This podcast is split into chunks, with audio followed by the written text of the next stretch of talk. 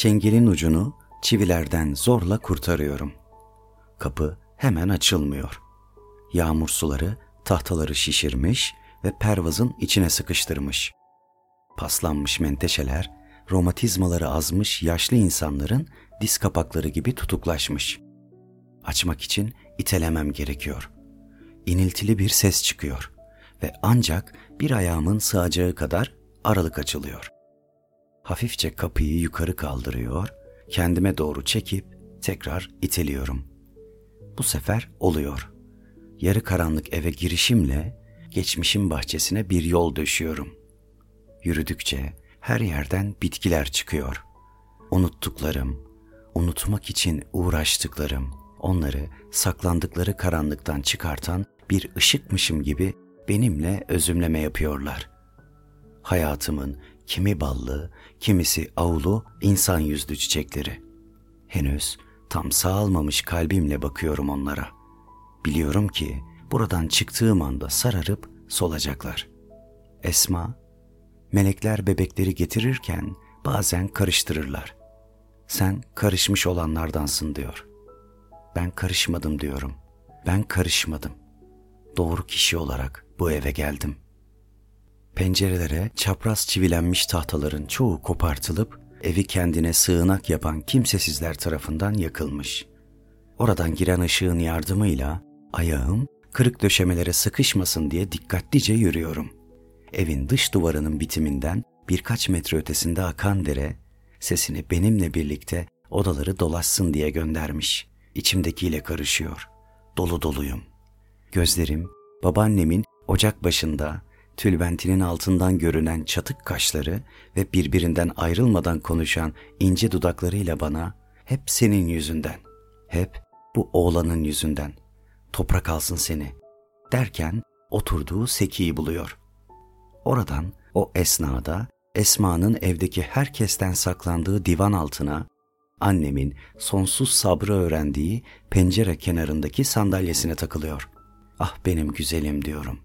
Buradan bakıp günlerin günleri kovaladığını, yükselen alçalan derenin sularıyla ölçmüş, su çoğalıp taştığında yan tarlaları basmış, o bahar geldi demişti. Anneme hiç sormamıştım. Son mektup gelene kadar dere kaç kez taşmıştı. Esma haklı mıydı? Babam istediğim gibi biri olursan seni seveceğim diyordu. Demek babamın istediği başkasıydı. Onun istediğinin yerine beni mi getirmişti melekler? Kahvecinin ortancı oğlu Çilli Adem'e seslenmişti babası. Al şunu götür yerine, burada kalmasın.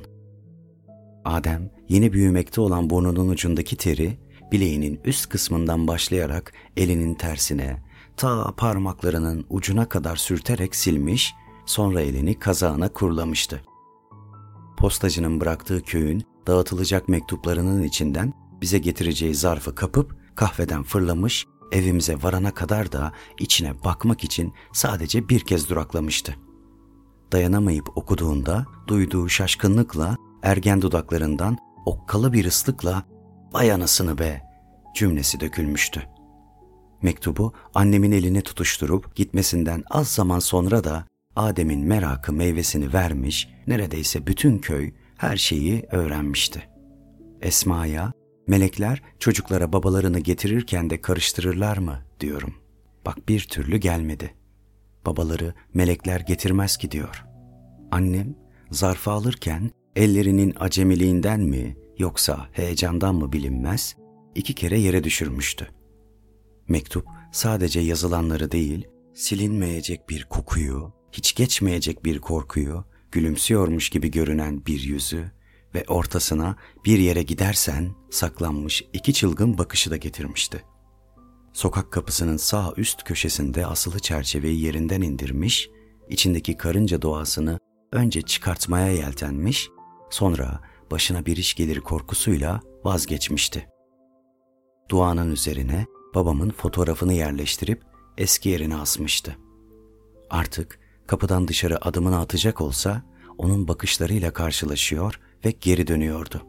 Bu duygusunu babam öldükten sonra da kaybetmedi. Okuma yazma bilmeyen annem mektubu epeyce bir zaman cebinde sakladı. pencerenin yanına her oturduğunda çıkarıp ışığa tutuyor, önünü arkasını çevirip bakıyordu. Sonra bir akşam bir şeyler mırıldanarak bir avuç külü dereye doğru savurduğunu gördüm.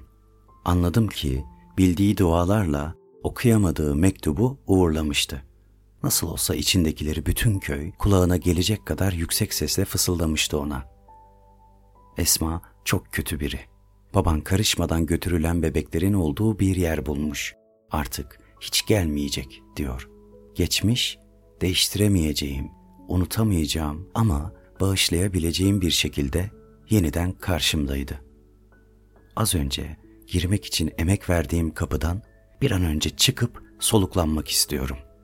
Gözüm sağ üst köşedeki o yere takılıyor. Çerçevenin içinin boşluğuna. Yılların izi silinmesin diye tozlarına dokunmuyorum. Sadece boynu bükük gibi duruşuna kıyamadığımdan hafifçe düzeltiyor. Parmak ucumla camına baba ben seni her halimle sevdim. Kızın Esma diye yazıyorum.''